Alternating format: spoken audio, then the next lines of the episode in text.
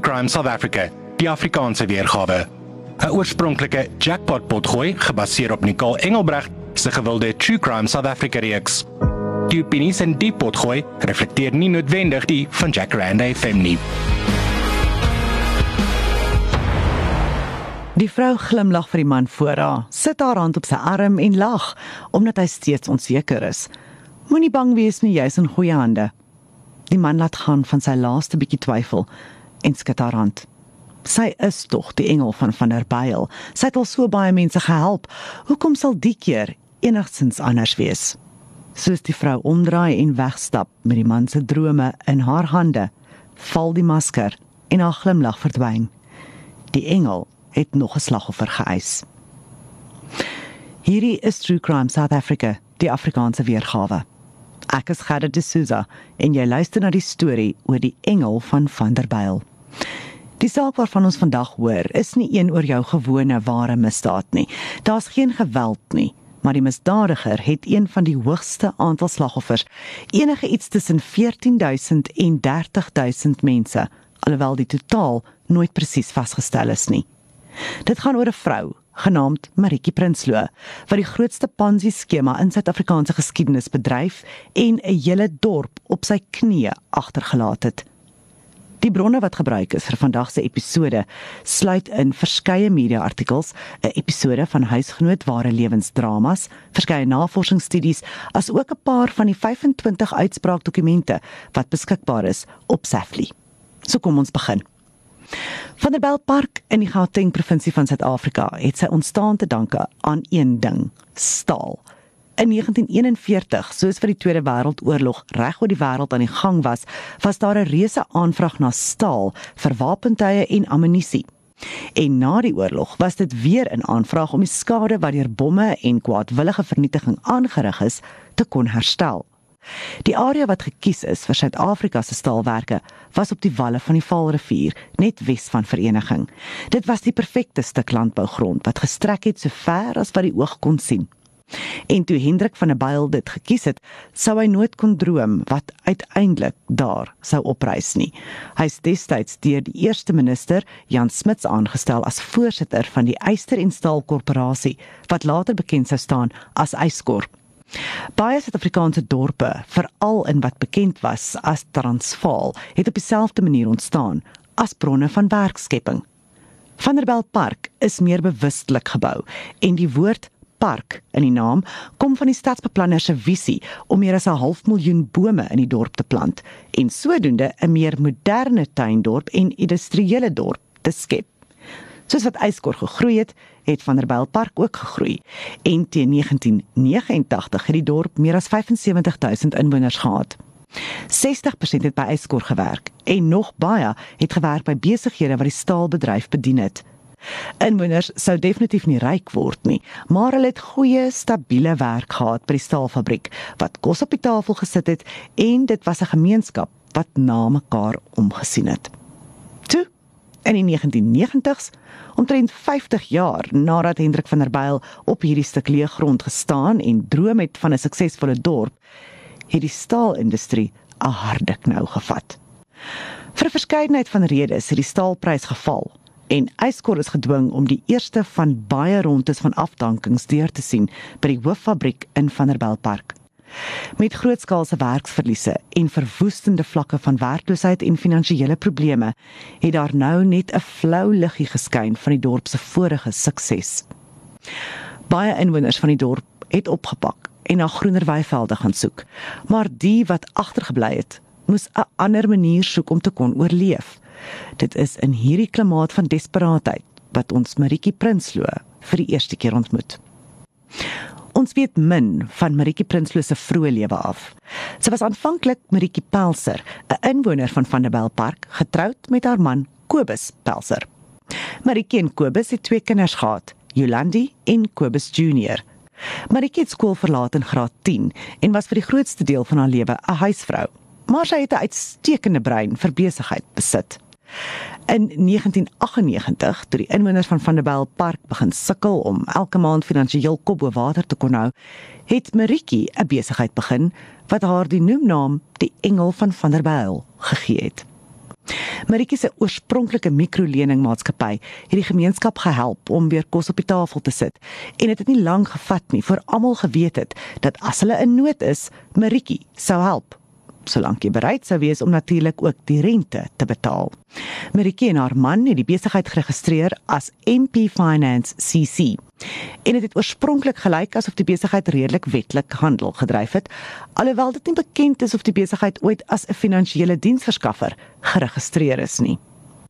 Vir omtrent 'n jaar het MC Finance goed gedoen en die inwoners van Vanderbijl Park het voordeel getrek uit Maritjie se lenings.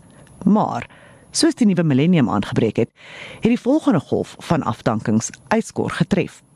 Eyskor het met ander staalmaatskappye saamgesmelt en begin opereer onder die naam ArcelorMittal. Duisende van Rebel Park inwoners is afgelê of is skielik in vroeë pensioen gedwing. 'n Hele klomp het egter ook weggestap met 'n baie gesonde skeidingspakket en dit was waar Maritjie Prinsloo toe die geleentheid gesien het om haar mikroleningsmaatskappy uit te brei. Sy het agtergekom sy kan meer geld uitleen en meer rente terugkry as sy net meer kapitaal het. En dis hoe die idee begin het. Maar nie hoe dit uitgewerk het nie. Maritjie het begin beleggers werf. Sy het hulle vertel die beleggings was in haar mikroleningsmaatskappy en dat hulle 10% rente per maand sal maak op hulle beleggings. Sy het gesê sy vra 30% rente op haar lenings. 10% gaan na die belegger 10% gaan na die agent wat die belegger inbring en die laaste 10% gaan na die besigheid. Wat sy nie genoem het nie, is dat die hoeveelheid wat sy uitgeleen het, nie dieselfde was as die beleggings wat sy ingekry het nie. So daar was geen manier dat die een die ander kon betaal nie. Om die beleggers elke maand hulle 10% dividend te kon uitbetaal, sou sy ander beleggers se geld moes gebruik. Maritjie se agente was almal familie. Haar seun Kobus Pelser Junior, haar nou getroude dogter Jolanda Lemstra en die se man Gerrit Lemstra en die kinders se niggie Isabel Engelbrecht en haar man. Die departement van handel en nywerheid het opgemerk dat die gemeenskap van Vanderbijl Park in 'n baie kwesbare situasie is met al die groot bedrae geld wat verskeidingspakkette en pensioene uitbetaal word. En 'n regeringsgeleentheidsentrum is op die dorp oopgemaak wat deur finansiële konsultante en ander professionele kenners beman is om die inwoners te help om vir hulle toekoms te kon beplan. Een van die finansiële konsultante wat by die sentrum gewerk het, was ook genoem Maritjie. Maritjie Willemse het gedurende 'n onderhoud met huisgenoot ware lewensdramas vertel hoe Maritjie Prinsloo se agente by die hekke van die Aserol Mittelfabriek gewag en die werknemers getuister het soos wat hulle uitgestap het. Hulle is dan prompt uitgevra of hulle afgedank is. En werkers wat wel in die situasie was, is probeer ooreed om beleggers te word vir Maritjie Prinsloo se besigheid. Finansiële konsultant Maritjie Willemse het begin agterdogtig raak toe mense haar misgis het vir die ander vrou met dieselfde naam en by haar begin aandring het op daai 10% uitbetaling op die belegging waarvan almal praat. Willem sê dit vinnig hierdie mense vertel dat geen wettige belegging daardie persentasie kon uitbetaal nie en geen van die beleggings wat sy kan voorstel sal dit kan doen nie. Al die oproepe het op dieselfde manier geëindig met die persoon aan die ander kant wat die foon doodgedruk het. Maritjie het nooit weer van hulle gehoor nie. Die Maritjie waarna hulle eintlik op soek was, het wel van hulle gehoor en was baie gretig om hulle geld te vat. Na baie oproepe en gesprekke op die dorp, het Willemse die vreemde transaksie by MC Finance aan die departement van handel en nywerheid en die Reservebank rapporteer. Beide die departement van handel en nywerheid en die Reservebank het stilletjies ondersoek ingestel op Maritjie Prinsloo se besigheid En in die jaar 2000 het hulle 'n brief gestuur wat haar waarsku om onmiddellik op te hou om beleggers geld in te samel. Maar ek het beloof sy sal dit doen. Maar sy het nie. Binne 'n paar maande is haar man doodgekry in hulle huis. Daar was 'n enkele koelwond in sy keel en dit is beskryf as dood deur selfmoord. Die engel van Vanderbijl was nou 'n weduwee in rou. Bert Prinsloo het Maritjie glo ontmoet terwyl haar man nog gelewe het. Bert het vir baie jare by Absa Bank gewerk en nog na Kobus Pelser se dood aanhou werk. Hy's aangestel as direkteur van Maritjie se besigheid. Hulle het egter nie net platonies saamgewerk nie en dit was nie lank voor hulle in 'n romantiese verhouding was nie. Intussen het Maritjie Pelser se beleggingsbedryf floreer. Party beleggers het uitgevind van die ondersoek, maar die uitslag van die ondersoek en die waarskuwing aan haar is nie openbaar gemaak nie en sy het die publiek gerusgestel dat daar geen rede tot kommer is nie. Dit was natuurlik baie ver verwyder van die waarheid af. En dit sou eers nog 2 jaar en miljoene rande vat om duidelik te word. Maritjie Pelser en haar familie het baie lekker geleef. Sy het al haar familielede as agente en direkteure aangestel in haar 6 takke wat sy binne 2 jaar oopgemaak het. Maritjie en Bert het in 'n paleisagtige huis gebly met ingevoerde meubels, duur motors, kunswerke en kaste vol ontwerpersklere. Isabel Engelbrecht en haar man het 'n helikopter gekoop wat hulle eenmal 'n week gebruik het om na 'n plaas wat hulle gehuur het te vlieg en twee plaaswerkers te betaal. Die familie het 'n gastehuis en 'n wildsplaas op die buitewyke van Vanderbijl Park gekoop. Die lewe was lekker en nie net vir die direkteure nie, die beleggers het ook breed geglimlag al die pad bank toe. Daar was net een kinkel in die kabel. Die familie het slegs met kontant gewerk en het geen bankdeposito's gemaak nie. So jy het jou belegging in kontant betaal en jou maandelikse uitbetaling ook in kontant ontvang. Die inwoners van Vanderbijl Park onthou hoe al die beleggers een keer 'n maand in 'n lang ry buite die gastehuis gaan staan het met die grootste houers wat hulle kon kry, tasse, bokse en volle sakke, alles om hulle maandelikse 10% dividende huis toe te kon vat. Daar was selfs die een keer wat die familie se geldtelmasjien so hard gewerk het dat dit gaan staan het. En toe moes die kontant verder met die hand getel word. Maritjie het ook al haar aparte maatskappye in een maatskappy konsolideer en dit Creon genoem. Dit het so goed gegaan dat Maritjie en Bert besluit het dit was tyd om te trou. Bert het by al sy vriende gespog dat hy die 6ste rykste vrou in Suid-Afrika gaan trou. Of daai titel akkuraat is of nie, weet ons nie, maar met die hoop geld wat die pasgetroude paartjie spandeer het, is dit moontlik dat hy nie te ver van die waarheid af was nie. Die enigste probleem was dat niks van hierdie geld aan Maritjie behoort het nie en sy was besig om agter te kom dat haar skema droogloop. Daar was net nie genoeg geld vir almal nie en dit was haar probleem. Maritjie het bedryf wat bekend staan as 'n Ponzi skema. En selfs die besbeplande van hierdie skemas kan net suksesvol wees solank as wat die inkomste meer is as die uitgawes. Nuwe beleggers moes die heeltyd gewerf word en die mense van Vanderbijl Park het hierdie storie begin bevraagteken. Dit het net 'n maand gevat van 'n paar beleggers wat nie betaal is nie vir die woord om te begin versprei. Na die tweede maand was daar ernstige vrae en teen die derde maand het niemand meer van Maritjie Prinsloo gehoor nie en die skaal van wat hierdie vrou reg gekry het was op die punt om openbaar gemaak te word. Die was nie net spaargeld wat rondgelê het wat mense belê het nie. Die wat byvoorbeeld deel was van die afleggings, het hulle maandelikse salarisse verloor en baie het hulle hele afdankingspakket aan Maritjie oorhandig. Die 10% uitbetaling wat hulle elke maand ontvang het, was hulle enigste inkomste terwyl hulle ander werk gesoek het. Party het heeltemal afgetree en hulle hulle hele pensioen in die skema belê.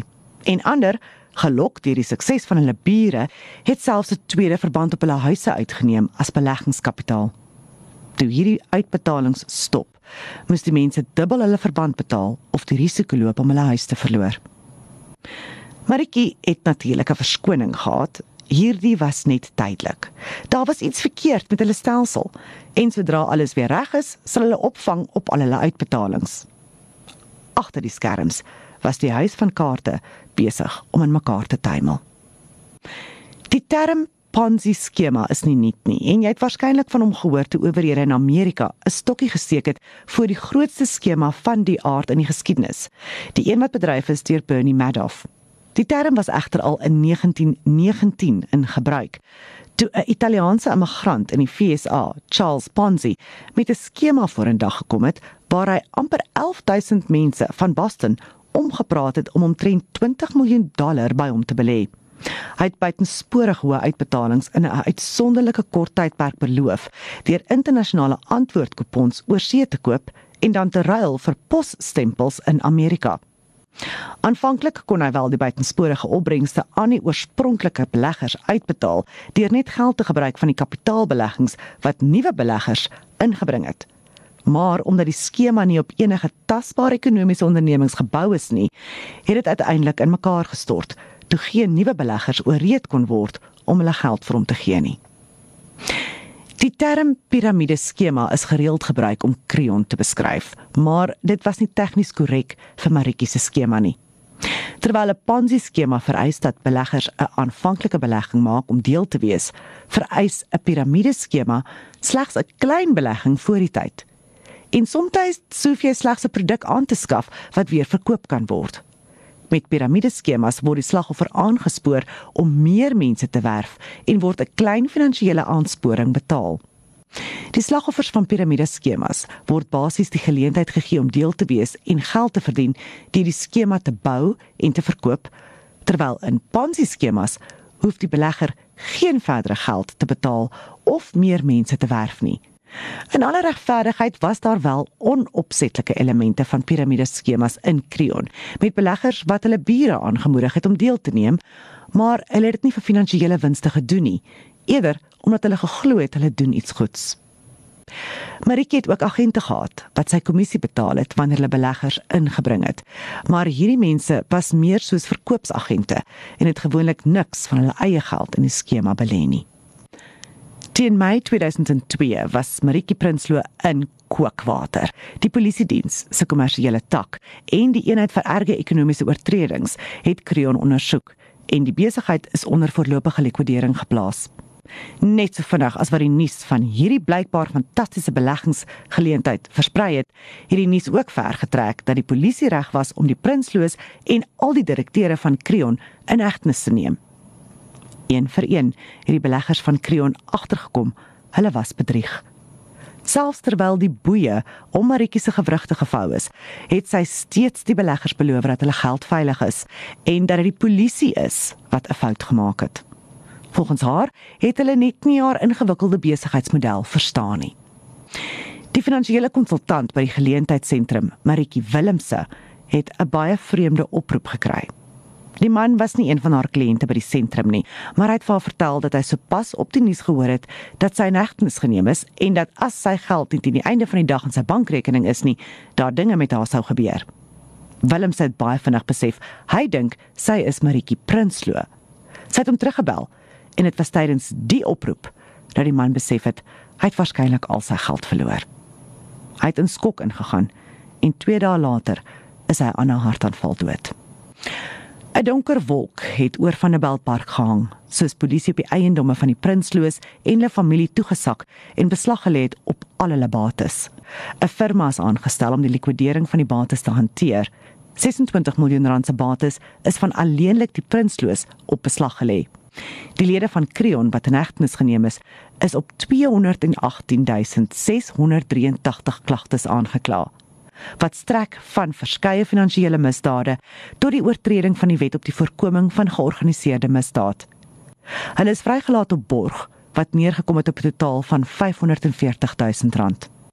Al hulle bates is of gevries of op beslag gelê en daar was 'n baie skrale kans dat hulle uit die land sou kon vlug. Die ondersoek van die kriminele klagtes en die likwidering van Creon is apart gedoen. Die een was nie noodwendig afhangend van die ander nie. Creon was nie meer 'n tasbare besigheidsentiteit nie en het mense geld geskuld. So of dit strafregtelik was of nie, was nie heeltemal relevant teenoor die likwideringsproses nie. Die enigste ooreenkoms tussen die twee was die beleggers. In die kriminele saak was die beleggers die slagoffers van bedrog. Maritjie het hulle geld onder valse voorwendsels gevat. Maar in terme van die uitbetalings en baie het uitbetalings gekry vir jare sonder 'n probleem, het die slagoffers ook gebaat by die kriminele onderneming al was dit onwetend. Vanuit die oogpunt van die firma in beheer van die likwidering moes die wat uitbetalings gekry het, dit terugbetaal teenoor die besigheidslikwideringsfonds sodat dit dan herverdeel kon word tussen die wat geld geskuld is deur die besigheid. En ja, dit was ook dieselfde mense van wie daar verwag is om die geld in te betaal. So 'n baie duur firma is in beheer van die likwideringsproses aangestel om al die geld in te samel wat die beleggers betaal is op hulle eie beleggings. En dan, wanneer al die geld bymekaar gemaak is, was dit die firma se werk om dit weer terug te gee aan dieselfde mense van wie hulle dit sopas gevat het. Vat 'n oomblik om dit als in te neem. Ja, dit is hoe likwiderings werk en dit is ook hoe dit in die Madoff saak in die FSA gedoen is. In 2003 het 'n hof beveel dat al die beleggers wat wins gemaak het van hulle besigheid met Creon, die geld moet terugbetaal in die rekening van die likwideringsfirma. Een man het 500 000 rand belê met Maritjie. Sy vrou het by die Chris Hani Baragwanath Hospitaal gewerk en bedank sodat sy haar 70 000 rand pensioen kon onttrek en het dit ook by Maritjie belê. Toe hulle die hofbevel kry, moes hulle hulle huis verkoop om die geld wat hulle uitbetaal is terug te kon betaal. In die maande na die arrestasies het dit duidelik geword hoe diep die skema die gemeenskap van Vanderbijlpark geraak het. Manne wat eens vir jare in fabrieke gewerk het, moes by verkeersligte bedel vir klein geld omdat hulle omgepraat is om te bedank en hulle pensioengeld verloor het. Elke skool, kerk en biblioteek in die area het 'n sopkombuis geword, soos wat liefdadigheidsorganisasies saamgespan het om die behoeftige gemeenskap te voer. Ouers is gedwing om hulle huise te verkoop en weer by hulle kinders in te trek. 'n Joernalis onthou hoe hulle in die aande op en af gery het in die strate van Vanderbijlpark en hoe elke tweede huis nie elektrisiteit gehad het nie. Die inwoners kon dit eenvoudig nie bekostig om hulle rekenings te betaal nie. Ongelukkig was daar baie mense wat nie 'n lewe sonder finansiële sekuriteit in die gesig kon staar nie en het hulle eie lewens geneem. Een man het 'n dogter matriek gehad en hy kon skielik nie meer bekostig om haar universiteit toe te stuur nie, iets waarvoor hy vir jare lank gespaar het. Hy kon nie sy eie kind in die oë kyk nie. Sy totaal en al verpletterende dogter het later 'n oop brief aan die plaaslike koerant gestuur waarin sy ander ouers gesmeek het om nie dieselfde ding aan hulle kinders te doen nie. Sy skryf: "Geen kinders sou geld en studies bo hulle ouers se lewens kies nie." Finansiële konsultant Maritjie Willemse vertel van 'n oproep wat sy eendag ontvang het. Aan die ander kant van die foonlyn was 'n vrou wat haar vertel het dat sy 'n geweer teen haar kop druk en as Willemse haar nie kon help nie, sou sy haar eie lewe neem. Willem sê die vrou geken, alhoewel sy nie die vrou se geld vir haar belê het nie. Die vrou wou net hulp kry van enige iemand af. Sy het nie meer geweet wie om te vertrou nie. Willem het vir 'n halfuur met die vrou oor die foon gepraat en haar aanhoudend herinner dat sy 'n familie en vriende het vir wie sy moet aanhou leef. Terwyl sy die vrou probeer kalmeer het, het sy haar selfoon gebruik om die polisie en 'n maatskaplike werker van die geleentheidsentrum by die vrou se huis te kry. Sy was nog op die foon met die vrou toe hulle by haar huis inbars en die geweer van haar afgestwee het. Sy was ernstig daaroor om haar eie lewe te neem. Van 'n Belpark was meestal anti-Prinsloo. En toe die familie vrygelaat word op borgtog, is dit aan hulle baie duidelik gemaak dat hulle nie in die area sou kon bly nie. Die familie het ook niks oorgehad nie. Selfs bates wat nie deel gevorm het van die onwettige verryking nie, is opgeëis. Die familie het meestal bymekaar gestaan dit lyk of hulle geglo dat hulle nie skuldig bevind sou word nie en Maritjie het aanhou sê dat die ondersoek verkeerd was. In 2003 is Maritjie Prinsloo se oorlede man Kobus Pelser se liggaam ook opgegrawe. Pelser se pa het die vorige 3 jaar agter die skerms geveg dat sy seun se dood weer ondersoek moet word. Hy was oortuig sy seun het selfmoord gepleeg nie. Alhoewel as ons nou terugkyk, is dit waarskynlik dat Kobus Pelser wel selfmoord gepleeg het omdat hy klaar geweet het wat se diep gat hy en sy vrou vir hulle self gegrawe het en dat 'n ondersoek onvermydelik was. Die omstandighede rondom sy dood regverdig egter verdere ondersoek. Die keel is 'n baie ongewone plek om jouself te skiet en die geweer waarmee Kobus geskiet is, is aan die linkerkant van sy liggaam gekry terwyl Kobus regs was.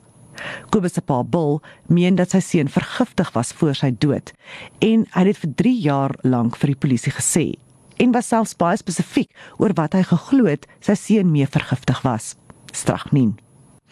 Baie dekades terug is strachnien in baie klein hoeveelhede gebruik om verskeie kwale te behandel. Vandag word dit in rottegif gebruik en party onwettige dwelmmiddels. As dit mondelings geneem word, kan die gif dodelik wees binne 15 tot 20 minute. As dit gemeng word met water en in 'n aar ingespuit word, kan dit nog vinniger doodmaak. Dis is seker presies hoekom Bill Pelser strychnien uitgeken het nie, maar sy beweringe was genoeg om 'n opgrawing te regverdig. Kobus Pelser se lijk is na die naaste patologie fasiliteit vervoer waar daar weefselmonsters geneem is. Sy lijk is dieselfde dag weer begrawe.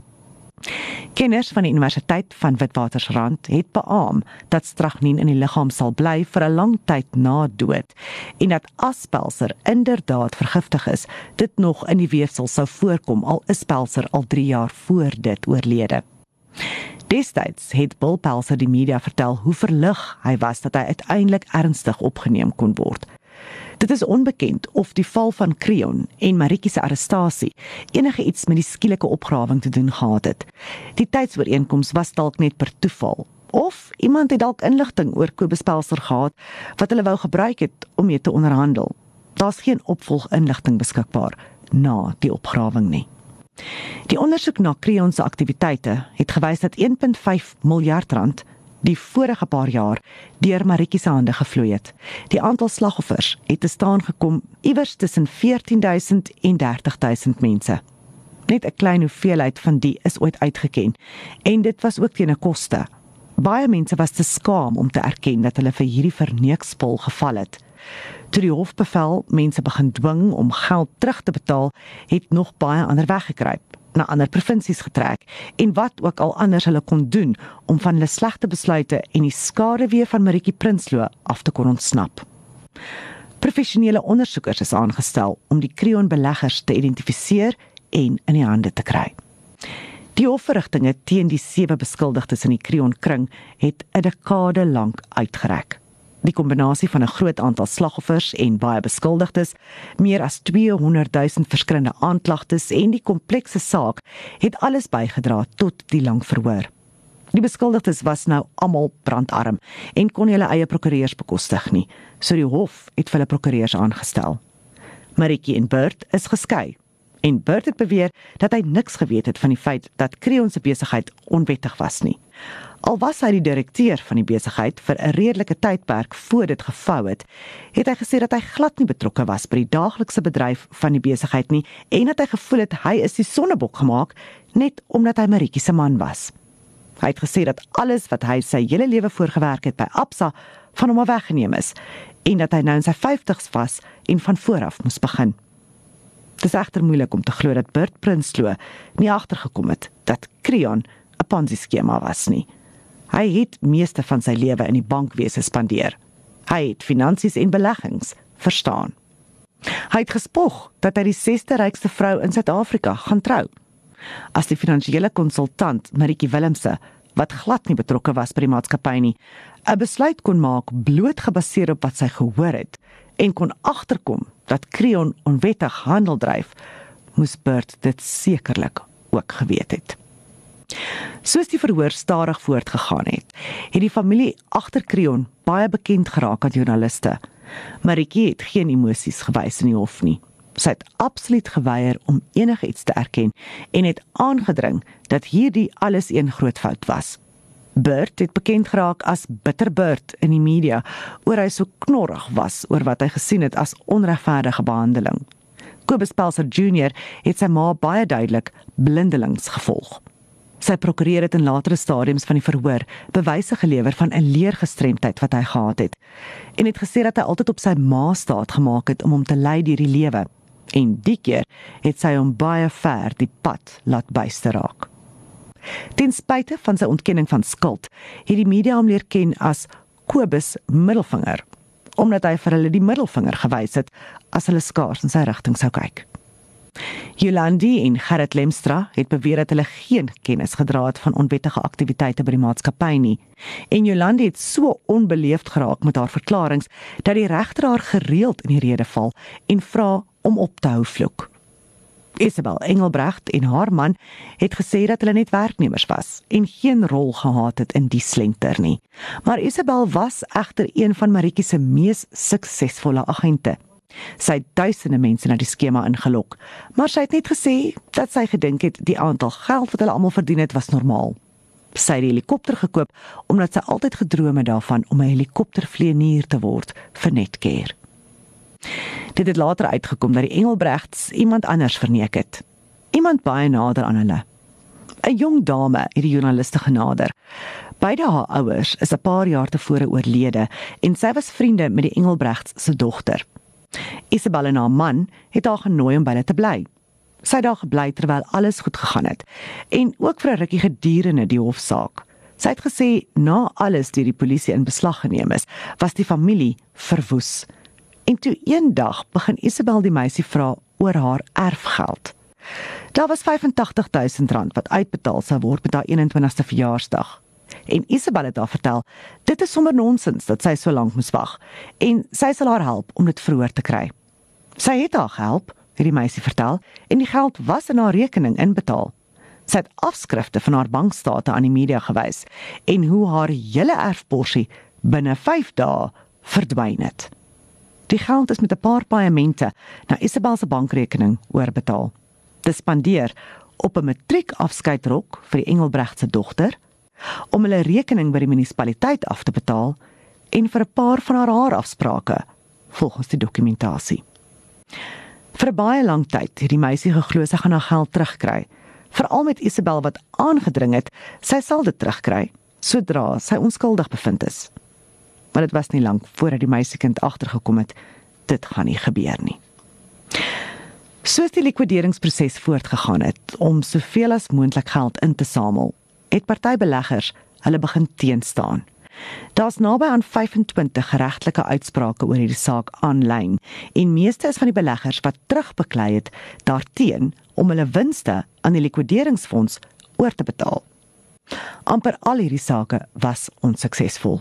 Natuurlik het meeste steeds gehoop dat wanneer die likwideringsproses en die hofsaak verby is, hulle ten minste van hulle geld sou terugkry.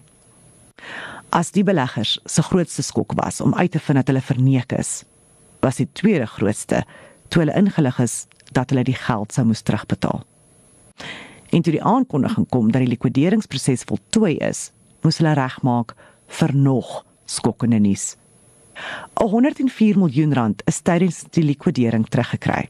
Maar wat beleggers nie geweet het nie, was dat daar ander rekeninge was wat ook betaal moes word voor die geld onder al die beleggers verdeel kon word. Die opsporing en die ondersoekfooi was 74 miljoen rand. Volgende was die 10 miljoen rand in kommissie vir die likwideringsfirma wat standaardpraktyk en 10% van die gekombineerde bedrag was. Toe soek die inkomste diens sy pond vleis. Hierdie het gesorg vir ewige debatte in die hof en dit is uiteindelik vasgestel dat ongeag of die gelde wettig of onwettig verkry is, het Creon steeds belasting geskuld. So, 8 miljoen rand het na die staatskoffers gegaan. Die oorblywende 12 miljoen was skaars genoeg om al die ander fooie in die likwideringsproses te betaal. En so na amper 8 jaar van wag vir hulle geld om terugbetaal te word, het die kreonslagoffers gehoor dat daar niks oor is nie. Hulle sou nie 'n sent sien nie. Hierdie kan beskryf word as die tweede grootste tragedie in hierdie hele saak. Dis oor die jare talle kere bespreek en baie studies is gedoen om vas te stel of die wet wel korrek toegepas is. Maar vir die kreonbeleggers het hierdie studies niks beteken nie. Hulle het vir 'n tweede keer al hulle geld verloor. Die keer te wyte aan 'n stelsel wat nie ten doel gehad het om hulle te beskerm nie. Geregtigheid het nog nie geseëvier nie en in 2010 het die verhoor uiteindelik einde se kant toe gestaan. Die beskuldigdes het vir die grootste deel van die saak teen mekaar gedraai uit desperaatheid om tronkstraf te probeer vermy. Toe al die argumente uiteindelik aangehoor is, het die regter en verskeie assessore weke geneem om oor die 400 000 blaaie van getuienis te gaan. Die regter het 3 dae gevat om sy uitspraak voor te lees. Die beskuldigdes kon nie glo toe hulle hulle lot hoor nie. Isabel Engelbrecht is skuldig bevind aan alle aanklagte teen haar en is gefonnis tot 12 jaar tronkstraf. Haar man het 'n 5 jaar opgeskorte vonnis gekry. Kobus Pelser Junior is skuldig bevind en tot 5 jaar tronkstraf gevonnis. Gerrit Lemstra, Maritjie se skoonseun is daaraan skuldig bevind dat hy baie nou betrokke was by die skema. Hy het 'n 18 jaar tronkstraf gekry. Sy vrou Jolandi, Maritjie se dogter, is gevonnis tot 15 jaar tronkstraf. Bert Prinsloo is skuldig bevind op 29000 klagtes teen hom en is gevonnis tot 12 jaar agter tralies. Maritjie Prinsloo is deur die regter uitgewys as die meesterbrein en skuldig bevind op 120000 klagtes teen haar. Sy stronkstraf van 29010 jaar opgelê. Dit is die langste saamgestelde tronkstraf wat al ooit in Suid-Afrika opgelê is. Maritjie sal eers vir parol kwalifiseer wanneer sy 25 jaar se tronkstraf uitgedien het. Al die beskuldigdes het onmiddellik aansoek gedoen om te appeleer en die regter het dit toegestaan. Hy het erken die ingewikkeldheid van die saak en die moontlikheid dat die staat van die klagtes kon dupliseer, los die deur oop vir 'n appel. Dit het beteken dat die beskuldigdes weer op borg vrygelaat is totdat hulle appel aangehoor kon word. Dit het 'n verdere 5 jaar gevat. Uiteindelik in 2015 het die groep gehoor dat hulle appel misluk het en hulle moes aanmeld om hulle vonnisse te begin. Vir die mense van Vanderbijl Park het die donker wolk wat oor die dorp gehang het die afgelope 13 jaar uiteindelik begin lig. Hulle kon nou 'n sekere vorm van afsluiting kry van die hartverskeurende deel van hulle geskiedenis. Maar die letsels wat Creon op die inwoners gelos het, is steeds daar. Baie het nooit finansiëel kon herstel nie. Van die slagoffers is dood. Ander is verpletterd gelaat en daar is ook die groep wat bly vasklou het aan 'n hoop wat nooit sou realiseer nie. Kobus Pelser Junior het die helfte van sy vonnis uitgedien voor hy op parol vrygelaat is. Hy het daarna teen sy ma gedraai en in een onderhoud met 'n joernalis het hy haar as 'n monster beskryf. Bert Prinsloo is ook vrygelaat op parol nadat hy die helfte van sy vonnis uitgedien het en in Januarie 2020 het hy na die strand in die Wes-Kaap getrek. Van die ander beskuldigdes het ook oor die volgende paar jaar vir parol in aanmerking gekom. Maar nie Maritjie Prinsloo nie. Sy sal vir parol kwalifiseer in 2035 wanneer sy 82 jaar oud is. 'n Mens sal graag wil sê dat reg en geregtigheid wel geskied het. In die oë van die reg het dit. Maar mense moet tog wonder of dit wel die geval was uit 'n morele oogpunt. Inteendeel, dit sou moeilik wees om te weet of enigiets wel gedoen sou kon word om die omvang van die skade te kon herstel. Nadat al die ondersoeke voltooi is, was daar 20 miljoen rand wat nie gekry kon word nie. Niemand weet wat van die geld geword het nie en die eiendomme van almal wat betrokke was is deursoek en opgebreek op soek na die geld. Die beskuldigdes word fyn dopgehou vandat hulle op borg vrygelaat is om te sien of hulle nie skielik 'n finansiële meevallertjie kry nie. Dis normaal vir enige iemand anders om te vra hoekom dit so maklik was vir mense om verneek te word. Hoe kon hulle nie weet dat hierdie nie waar was nie? Onthou dat meeste van die beleggers nie finansiëel kundige of hoëgeleerde mense was nie. Hulle was hardwerkende sout van die aarde mense wat waarskynlik nooit van tevore van die term Ponzi skema gehoor het nie. En selfs die wat hulle twyfel gehad het, sou dit laat vaar het wanneer hulle sou toesien hoe die ander rondom hulle goed begin leef het as gevolg van Maritjie se uitbetalings. Die bure het nuwe karre gekoop en op diervakansies gegaan. Dit het voorgekom of die bewyse daar is. So dit is verstaanbaar dat hulle dit op die ou end geglo het. Die beleggers in hierdie saak was definitief nie die wat blameer moet word nie. Die enigstes wat skuldig is, is die wat Creon help opbou het en verseker het dat dit aanhou groei en meer en meer mense se geld gevat het.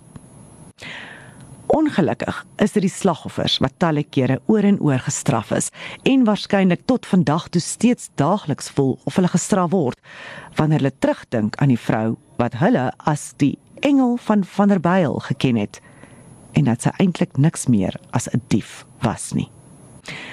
Dankie dat jy geluister het na True Crime South Africa, die Afrikaanse weergawe. Hierdie was die storie oor die engel van Vanderbijl. True Crime South Africa, die Afrikaanse weergawe, is 'n oorspronklike jackpot potgooi. Die ware misdaadverhaal is nagevors en geskryf deur Nicole Engelbregt vir haar gewilde True Crime South Africa reeks. Dit word aangebied deur Jackran FM se Gerda de Souza. Luister na nog oorspronklike potgooi reekse en nuwe episode by jackranfm.com. Klik op Jackpot of kry dit by jou gunsteling potgooi toepassing.